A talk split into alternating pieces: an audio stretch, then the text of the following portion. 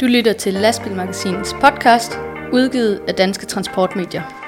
Podcasten er lavet i samarbejde med den nye i VQS Way, altid online.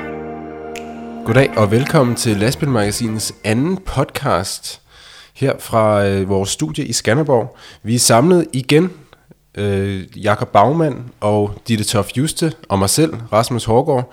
Der er kommet kalenderlys på bordet. Der er en øh, chokoladejulekalender, som er ved at blive øh, flået. Lidt tidligt på måneden, godt nok, men, øh, men vi er i den grad i gang med, med julemåneden. Hvad, hvad er der sket øh, i transportbranchen øh, siden sidst, eller i jeres daglige gang i transportbranchen siden sidst? Øh, hvad med dig, Jacob? Har du oplevet noget spændende? Ja, det har jeg. Jeg har været en tur i øh, Vejle, hvor jeg har set på et nyt multikøretøj. Der er tale om en Volvo FE 320, som er øh, opbygget til, at dansk vejrens kan bruge den. Det er øh, det, jeg kalder en svejserkniv inden for vejrens, fordi det er en opbygning, som kan, som kan klare alle mulige udfordringer ud på, øh, ud på landevejen, når der, når der sker et uheld. Den har også været brugt nede i øh, Åben Rå Havn til at samle øh, olie og hydraulikolie, som rødt i havnen. Så mm. det er en spændende opbygning, og øh, de, de prøvede at demonstrere lidt af dens øh, evner for mig, da jeg var dernede, og øh, Michael Holbæk fra Dansk Vejrens, han har taget noget øh, madolie med, som han lavede et lille spor af ude på vejen, og så kunne vi jo, øh, så kunne vi jo se, hvad den her den kunne. Vi øh, sugede også nogle øh, tomme øh, sodavandsdåser op for grøftekanten, så det var, det var en meget sjov, øh, sjov opgave, jeg var ude på der. Så øh, jo, det var sjovt. Ja, perfekt. Og det kan man jo læse mere om i uh, Lastbilmagasinets kommende nummer, formoder jeg. Ja, det yes. kan man. Perfekt. Hvad med dig, Ditte? Har du oplevet noget spændende? Det har jeg. Jeg har været ude og lave øh, forsidebil til øh, lastbilmagasinet nummer 1. Der var jeg en mm-hmm. tur i Holstebro og besøge vognmand Michael Thorsen, mm. som har fået leveret en splinter ny Scania R650. Det er en V8. Og øh, den tog jeg et godt kig på sammen med, sammen med Michael og fik en god snak.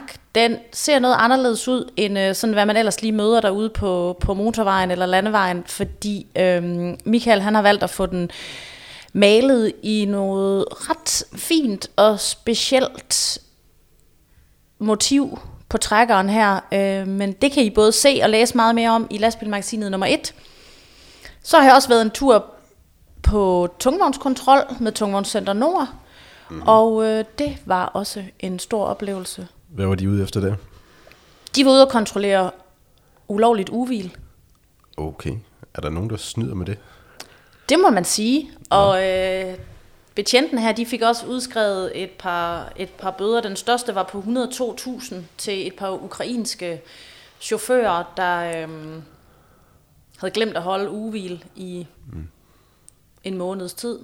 Okay det er noget af det, man hører, der er så svært at, at kontrollere det her ulovlige uvil. Altså, hvor lang tid tog sådan en, uh, tog sådan en omgang? Hvor lang tid tog det at tjekke et køretøj for ulovlig uvil? Jamen, det tog vildt lang tid, og det kom faktisk også bag på mig, at det tog så lang tid, men det var jo en omfattende, en omfattende sag, den her, så der skulle jo både kontrolleres, selvfølgelig skulle der kontrolleres øh, takograf og data herfra, og så skulle det alt sammen plottes ind i, øh, i betjentenes øh, system selvfølgelig, og så skulle det dobbelttjekkes for at se, om alt nu var regnet rigtigt ud, og så skulle der tales med chauffører, vognmandsvirksomheden skulle kontaktes, det var en polsk vognmand, de kørte for, så skulle der tales med øh, speditøren, som var en dansk speditør, så skulle der udregnes bødestørrelse, der skulle øh, bestilles julelås, de blev så ikke brugt, skal det lige bemærkes, øh, fordi bøden blev betalt.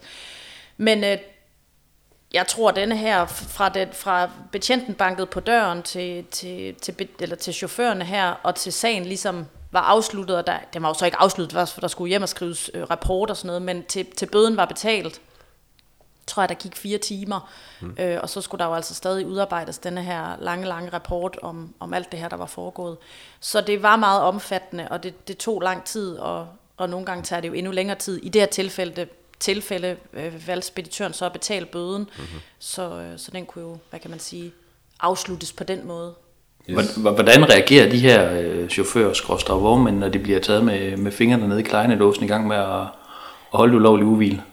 Ja, men jeg synes egentlig, at de her to ukrainske chauffører, som sad inde i det her førerhus og lige sådan så lidt, lidt forvirret ud øh, i starten og, og ikke kunne ret meget engelsk. Det var i hvert fald det, de gav udtryk for, at de ikke kunne, kunne forstå og ikke tale engelsk.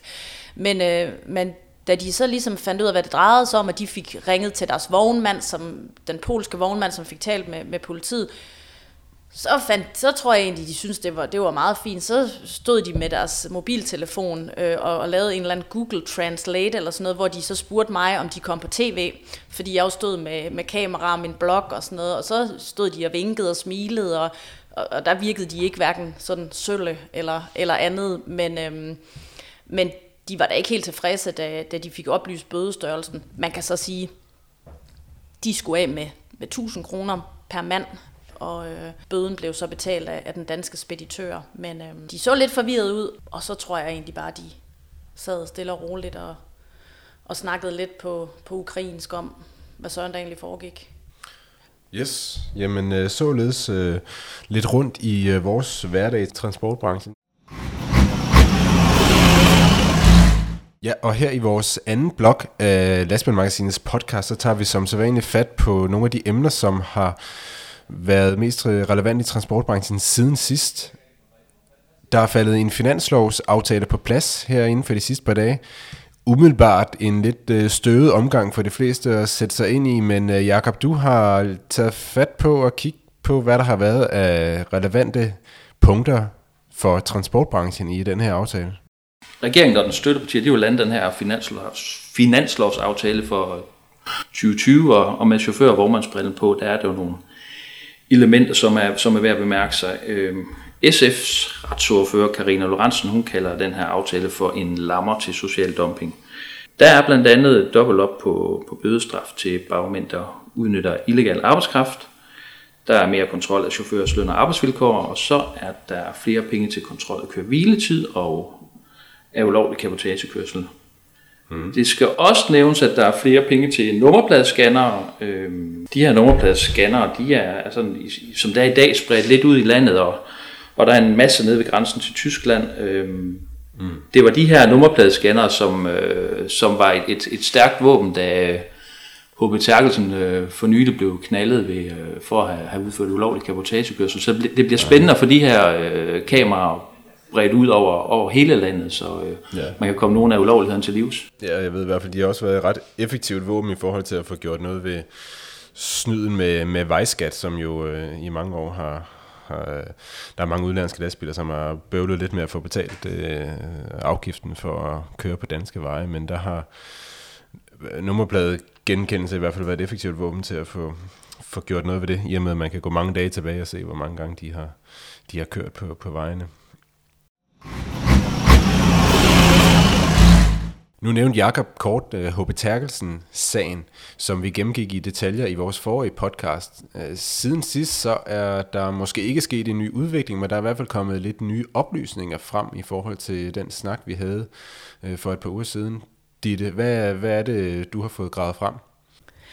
Jeg har fået en udskrift af retsbogen fra retten i Roskilde, hvor der den 9. oktober blev holdt et retsmøde i forbindelse med beslaglæggelse af fire af H.B. Terkelsens biler. H.B. Terkelsen, de, øh, de skulle betale 2,1 millioner kroner for at få frigivet de her fire biler, da bilerne var blevet tilbageholdt og kontrolleret, og det viser, at på alle fire biler var der kørt ulovlig kapotagekørsel. Bøderne de fordelte sig øh, lidt forskelligt på de fire biler, og den højeste bøde, der blev givet til en af bilerne, var på 825.000 kroner. Øh, og så fordelt øh, bøderne sig ellers på de, på, de tre, på de tre andre biler. Direktør Peter Terkelsen, øh, han betalte det her, øh, det her beløb på 2,1 million kroner, og de blev overført til, til politiets konto som, som et depositum for, for den her bøde. Og herefter blev, øh, blev lastbilerne så, øh, så frigivet igen. Og det var H.B. Terkelsens tyske øh, selskab, de her biler var, var registreret i. Det var en pæn chat bøde, må man sige. Men det er jo så ikke det samme som, at de øh, har erkendt overtrædelserne, som jeg forstår det vel? Nej, øh, Peter Terkelsen, som jo er direktør i, i HB Terkelsen, han, han nægter jo, at, øh, at ledelsen på nogen måde har haft kendskab til, til de ulovligheder, der, der er foregået her med, med ulovlig kapotagekørsel. Og øhm, ja, men sagen er, øh, som er stadig under, under efterforskning, så øh, indtil videre kan vi jo bare vente på at, at se, hvad der sker, om der bliver eventuelt rejst en, en sigtelse mod HP Terkelsen. Ja, og de her penge, de er jo, som du, som du siger, det er depositum for at få frigivet bilerne, men øh, hvis de nægter at have begået det, som de bliver beskyldt for, så skal de jo stadigvæk dømmes ved en, ved en retssag, før de reelt betaler, øh, eller skal betale de her penge. Ja, det her er depositum, ja, der er blevet, øh, blevet, blevet lagt ud, kan man sige. Godt. Det er nok ikke det sidste, vi har hørt til den sag, så vi, vi følger med i spænding med, hvad fremtiden bringer i den her sag. Vejvreden trives til synligheden i bedste velgående på de danske veje. Det er ikke så længe siden, at flere medier herunder Lastbilmagasinet også skrev om en øh, følgebilschauffør, som blev troet med en kniv i en rundkørsel i Nørre Sundby. Det skete her for et par uger siden i slutningen af november. Øh, efterfølgende, Jakob, så har du taget lidt fat i emnet og snakket med nogle forskellige aktører inden for den her følgebilsbranche. Altså, hvad, hvordan er øh, situationen derude på vejene for de her, for de her chauffører? Ja, jeg tog øh, kontakt til en, øh, til en følgebilchauffør, som har eget firma. Han øh, fortalte, at den her vejbrede, den store trives, og det bliver egentlig kun værre. Han lægger dagligt øh, øre og ansigt til knyttede næver, fuckfinger og skældsord, og øh, det er ikke kun, når han udfører sit arbejde, det er også, når han, øh, når han ikke kører bag ved en mølletransport, og når han kører mellem opgaverne. Han fortæller, hvordan han er blevet chikaneret af en bilist hen over motorvejen på Fyn, og øh, da han så på Kildebjerg øh, støder ind i den her øh, bilist, så spørger han ham, hvorfor han øh, ligger og chikanerer ham. Øh, bilisten svarer så, at det er fordi, at øh, alle følgebilschauffører er nogle idioter. Øh, man kan sige, at, øh, at det her det er jo udtryk for et eller andet øh, skred i, i, i moralen derude i trafikken. Det er jo ikke kun følgebilschauffører, der, øh, der øh, må lægge øjne og ører til det her. Det er jo også udbredt blandt, øh, blandt lastbilchauffører, at man øh, skal, skal stå model til lidt af hvert. Det kan, vi jo, øh, det kan vi jo se på nogle af de mange kommentarer, der kommer omkring emnet ind på vores øh, Facebook-side. Øhm, det er også et emne, som har fået øh, politikerne til at reagere. Øh, Venstres transportordfører Christian Pilo Lorentzen, han øh, skriver lige nu på en bog om øh, egoisme i trafikken, og, øh, og efter han fik kendskab til de her øh, historier fra lastbilmagasinet, så har han valgt at tage det op på, øh, på, på øh, ministerniveau og, og spørge om ikke øh, hvad hedder det, kendskab til følgebiler skal være en del af, af kørekortuddannelsen. Ja. Det sjove er jo, at den her følgebilchauffør, han siger til mig, at bilisterne, de tror jo, at følgebilen er til for at hjælpe lastbilene, og de slet ikke er bevidste om, at følgebilen er til for at hjælpe medtrafikanterne, så de ikke kommer i klemme omkring de her store transporter. Så der er brug for noget oplysning omkring de her øh, følgebiler til den brede befolkning. Det er også det, de siger nede ved øh, EUC Lillebælt, det er det, de siger hos, øh, hos ITD. Så, så det ser ud til, at der, der er handling på sagen nu.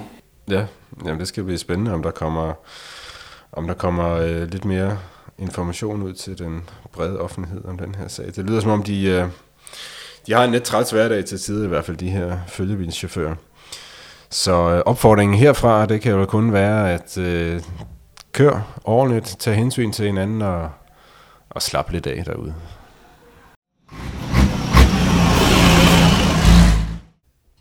Rasmus, det er jo ikke meget, vi har set til dig på kontoret her på det sidste, for du har jo været ude og rejse en hel del. Hvor, øh, hvor har din sidste tur gået hen? Ja, det er rigtigt. Jeg har ikke øh, lige været så meget til stede her de sidste par uger. Øh, jamen, jeg har i, i forrige uge, der var jeg simpelthen en tur i Kina for at øh, besøge den kinesiske øh, lastbilproducent med mere BYD, øh, som øh, producerer øh, køretøjer, både personbiler, busser og lastbiler, og som øh, i 2020 har planer om at indtage Europa, herunder de nordiske lande med øh, rent elektriske lastbiler. Det var øh, en øh, interessant tur derover til. BUD er jo et firma, som kun er 25 år gammel, og øh, startede med at producere batterier. Så det er jo sådan et helt andet udgangspunkt end øh, de europæiske lastbilfabrikker, som jo har produceret lastbiler i, øh, for de fleste vedkommende over 100 år, og så her for nylig er begyndt at, at sætte sig ind i øh, batteriproduktion og gøre deres lastbiler elektriske, hvor øh, sådan en aktør som, som BUD jo er eksperter i, i batterier og øh, producerer masser af telefoner og tablets og meget andet. Og der er det så selve lastbilproduktionen, som er, som er det nye for dem. Så det er sådan en lidt omvendt tilgang til, til det at producere elektriske lastbiler, og det bliver spændende at se, hvordan de vil, de vil klare det, når de øh, altså fra, fra slutningen af 2020 skal, skal introducere lastbiler i øh, blandt andet i Danmark. Der kommer en, øh, en varebil og en øh, 7,5 tons lastbil og en øh, sådan en 19 tons distributionslastbil til, til Danmark her i slutningen af 2020 og starten af, af 2021. Så det bliver spændende at se, hvordan de, hvordan de klarer sig. Vi prøvede også at, at, at prøvekøre de her lastbiler derovre, og øh, de er ikke færdigproduceret endnu, og de er bare meget præg af at være prototyper, men, øh, men der er ingen tvivl om, at i forhold til øh, batteriteknologi og meget andet, så er, så er de langt fremme derovre. Øh, selve, selve lastbilproduktet øh, produktet øh, trænger måske øh, lige til, til, øh, til en videreudvikling, før de kan, kan tilfredsstille de europæiske chauffører, men, øh, men det kan nu at komme nu, så, øh, så det, det bliver rigtig spændende at følge. Nu siger du det her med, hvordan de vil, de vil klare sig. Har de sat nogle officielle målsætninger i forhold til, hvor, hvor store markedsandele de vil ud af Europa med de her produkter? Ja, jeg ved ikke, om de har sat deciderede øh, markedsandele, men de øh, hænger jo deres hat i høj grad på de her EU-krav, som, som jo er vedtaget i EU om, at øh, lastbilfabrikkerne skal reducere deres øh,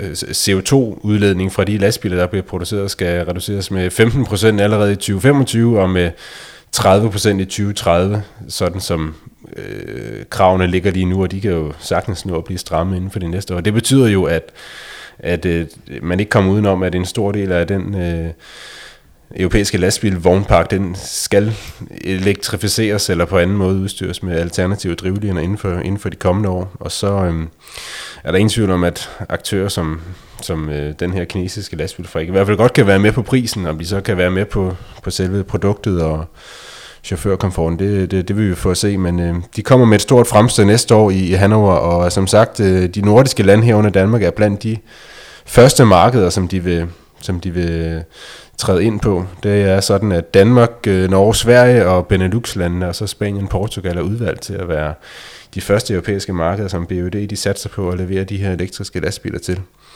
Og øh, i, øh, i den kommende tid, i løbet af det kommende år, så vil de jo øh, få, få, få mere på plads, hvordan deres øh, salgsnetværk setup skal være. Øh, de har jo i forvejen noget servicenetværk, fordi de sådan set allerede har leveret nogle nogle elektriske busser til, øh, til det danske marked, så på den måde er de allerede, har de allerede en fod indenfor herhjemme, men, øh, men i forhold til lastbiler, så bliver det, så bliver det første gang. Øh, så ja. Og som den vestjyske man vil have spurgt, hvad, hvad koster det?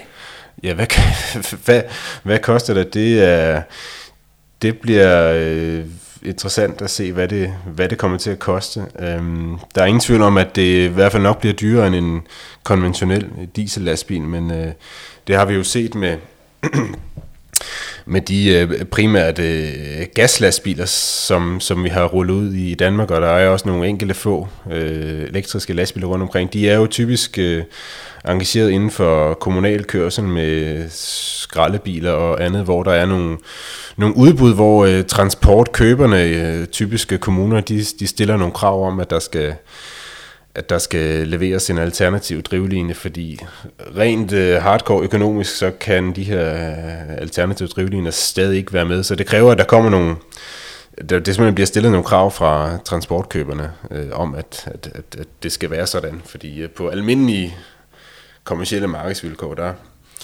der kan de jo ikke klare sig endnu øh, indtil videre, men det kan jo komme i løbet af de, af de kommende år. Øh, og øh, sådan som som, som øh, EU-reglerne om, om CO2-regulering bliver i de kommende år, så, så er der ikke nogen vej udenom, at øh, de skal indfases på den ene eller den anden måde. Og tak for de gode ord, Rasmus. Og nu fra Kina og elektriske lastbiler skal vi også en tur til Italien, hvor jeg kan forstå, at du har været nede og kigge på noget øh, brændt elektrisk lastbil fra Iveco Nicola. Ja, det er rigtigt. Det, det, alting handler om øh, elektrificeringen lige for øjeblikket, åbenbart. Øh, jamen, øh, her for, for et par dage siden, så var jeg i øh, Torino, hvor øh, Iveco og øh, det amerikanske Nikola Motor, de havde sådan et, et fælles event, hvor de præsenterede lastbilmodellen Nikola 3, som er øh, amerikanske Nikolas øh, trækkerversion, som de vil lancere på det europæiske lastbilmarked her øh, i 2021 i en øh, elektrisk version med, med en batteripakke, og i øh, 2023 vil de øh, lancere den øh, ligeledes i en, i en elektrisk version med, med øh, brændselscelleanlæg. Det vil sige, at den altså vil være i stand til at køre på, på brint som brændstof, og dermed være endnu mere miljøvenlig. Um, Nikola er et ret øh, ungt firma, det er kun øh, fem år gammelt, der startede op og har ambitioner om at indtage både Nordamerika og Europa med øh, elektriske lastbiler med hydrogen, altså brint som, som brændstof. Og øh, i Europa har de så øh, fundet sammen med Iveco som samarbejdspartner. Det vil sige, at øh, den nye Iveco S-Way, som blev lanceret her i... Øh, i sommeren 2019, den kommer langt hen ad vejen til at danne basis for den her øh, Nikola 3-model, som blev øh, præsenteret her for et par dage siden i Torino. Det vil sige, at øh, Nikola altså får adgang til meget af den teknologi, som er i, i, i VKS-way, i dens førerhus og funktioner og, og styreegenskaber osv., hvor Nikola så selv kommer med en masse software og selvfølgelig selve selve drivlinen vil jo så hverken være diesel- eller gasmotor, som, som i Vigo SUR, men det vil jo så være erstattet af en, øh, eller af, af flere elmotorer, øh, og så øh, enten med batterier eller med, øh, med brint øh, som, som brændstof. Og øh, det bliver jo spændende at se, hvor langt, øh, hvor langt de kommer med det i, i, de, i de kommende år. Men som sagt, øh, i første omgang i 2021 kommer batteriversionen, og i 2023 skulle brintversionen til at komme. Og det her er jo så ikke en distributionslastbil. Det er jo en decideret trækker, som øh, foreløbig vil have minimum 400 km rækkevidde, og som teknologien vil udvikle sig i de kommende år, så vil vi sandsynligvis kunne se det øh, forstørre. Jeg bliver simpelthen nødt til at spørge dig. Ja. Ham her, øh, Trevor Milton, der har startet Nikola Motors. Mm. Altså, fik du et interview med ham? Øh, ja, jeg fik ikke et øh, decideret interview med ham, men øh, jeg sad i øh, ved et øh, hvad hedder sådan noget middagsfrokostselskab blandt andet med, med ham, hvor man øh, kunne sidde og, og, og spørge lidt og havde en meget øh, løs og uformel snak om om øh, perspektiverne for for Nikola og øh, og, og Iveco og det her øh, fremtidige samarbejde. Og øh, der var både Trevor Milton og så hans kompagnon, en der hedder Mark Russell. De er øh, begge to øh, meget dedikerede og passionerede folk, som virkelig brænder for at øh, revolutionere verden ved hjælp af det her øh, hydrogen. Øh, nu kommer de godt nok i første omgang med en batterilastbil, men der er ingen tvivl om, at, øh, at det er øh, ambitionen om at øh, revolutionere transportbranchen med, med øh, hydrogen lastbiler, hydrogen køretøjer det hele taget, som, som driver dem, fordi det, det er det, de ser som, øh, som det mest miljøvenlige og bæredygtige endemål, og det kan man jo så godt følge dem i. Når de så starter med at sende en batterilastbil på gaden først, så er det jo fordi, at det er rent praktisk nemmere, og de skal selvfølgelig gerne have nogle køretøjer ud og, ud og køre lidt, lidt hurtigere. Men de har jo et meget stort setup for, hvordan øh, hvordan der skal skyde øh, hydrogen tankstationer op rundt om i Europa, også i, i Danmark inden for, de, inden for de kommende år. Øhm, ifølge planen så skal der være hydrogen tankstationer i Danmark senest i 2022, og så vil resten af Europa skulle være dækket i, i, i sådan tre faser, som så skal være færdiggjort i 2030. Så, øhm, så der er meget store planer, og øhm, vi må så se, hvordan de rent faktisk folder sig ud. Men indtil videre har de jo i hvert fald fået nogle meget... Øh, stærke partner med på det, altså både i Iveco sådan til rent øh, lastbilteknologisk, men også øh, Bosch og nogle andre helt store øh, teknologier og køretøjsgiganter i både Europa og på global plan. Så, øhm, Så der er, det, er, det er mere end bare en, en, en, en boble, som det måske virker lidt til, da de kom frem for første gang for et par år siden og, og luftede de her store planer. Nu begynder det virkelig at, at tegne til noget, til noget konkret. Og hvordan var det så på den her tur? Altså stod der reelt, jeg kunne godt se på billederne, der stod jo øh, en lastbil, men altså mm. kunne, kunne den køre? Altså var I ude at testkøre den, eller hvordan?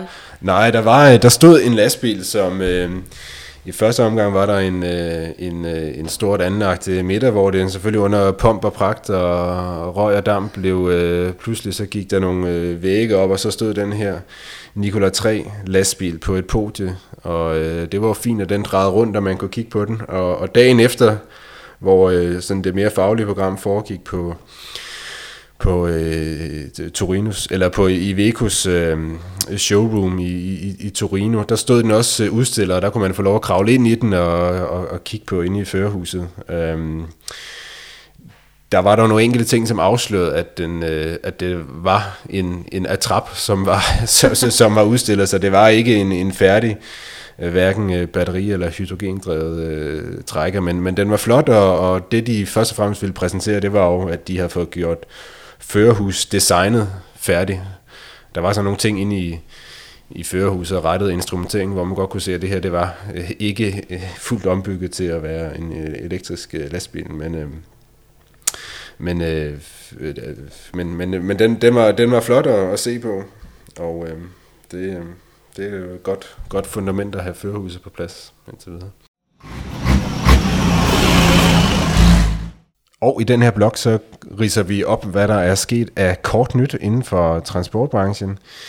Forsikringsselskabet IF har overtaget Viking Assistance, det norske redningsselskab, som har været til stede øh, i Danmark i nogle år efterhånden med lidt øh, svingende økonomiske resultater, men nu har de i hvert fald fået et øh, tungt forsikringsselskab i ryggen på det hårdt pressede øh, marked for, for vejhjælp og, og, og redning.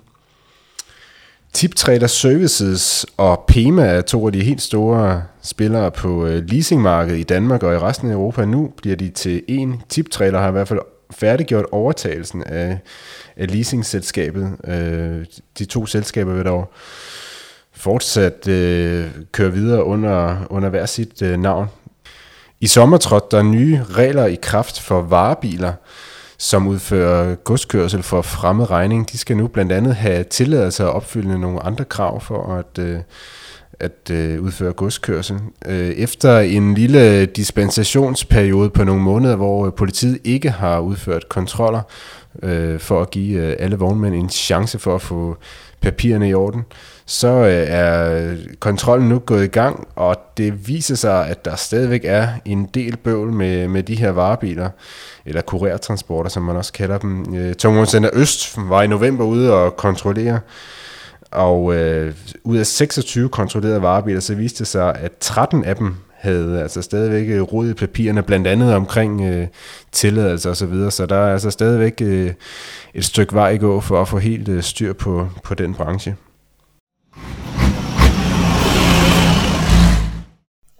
Det er jul.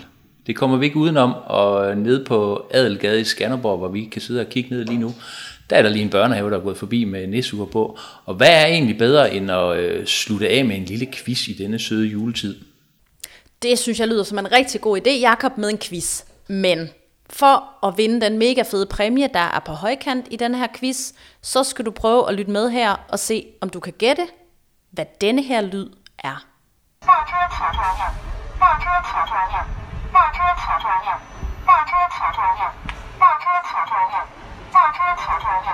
Ja, det var unægteligt en øh, skøn lyd, vi der fik i ørerne.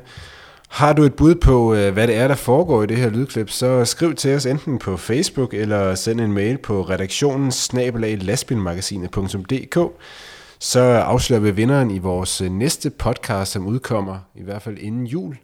Og vinderen får en præmie. Vi kan ikke løfte sløret for, hvad det er, men den bliver fed.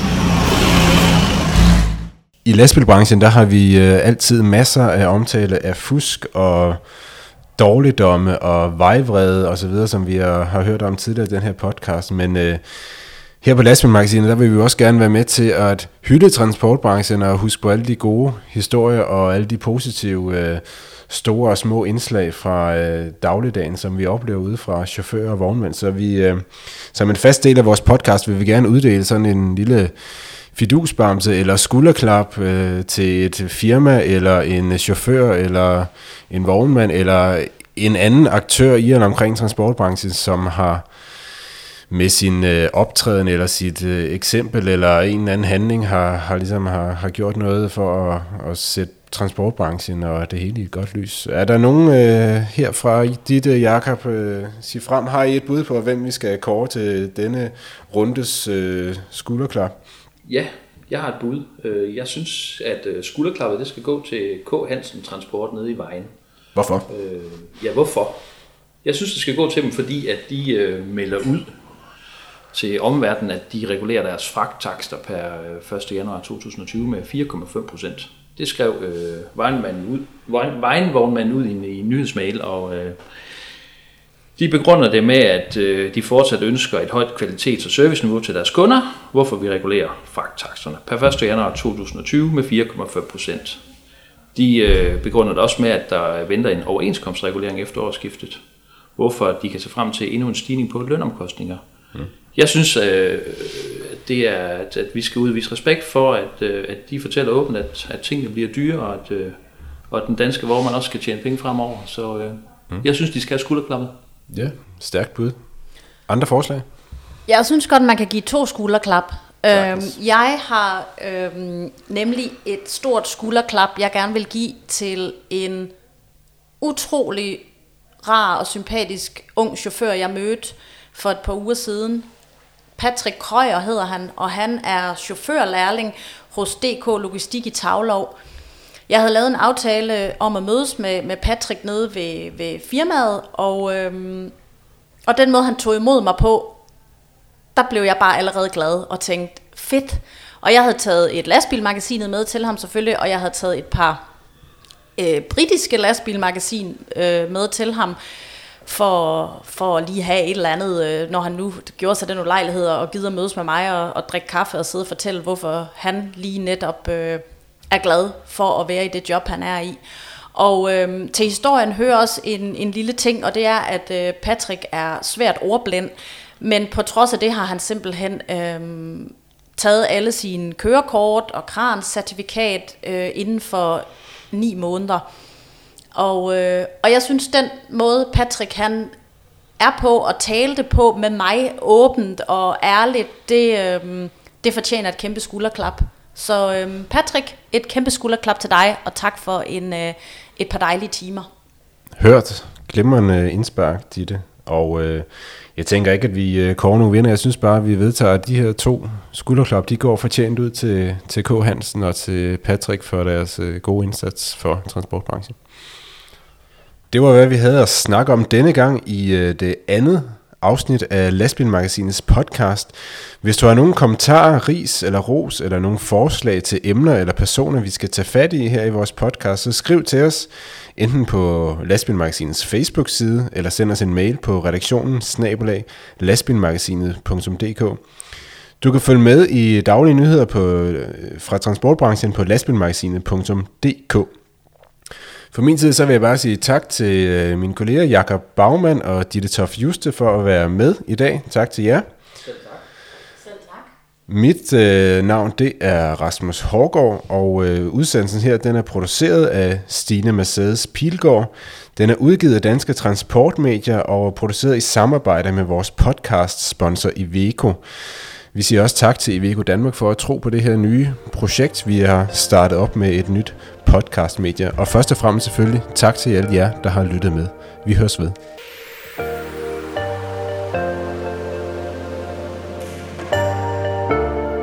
Du lyttede til Lastbilmagasinets podcast, udgivet af Danske Transportmedier.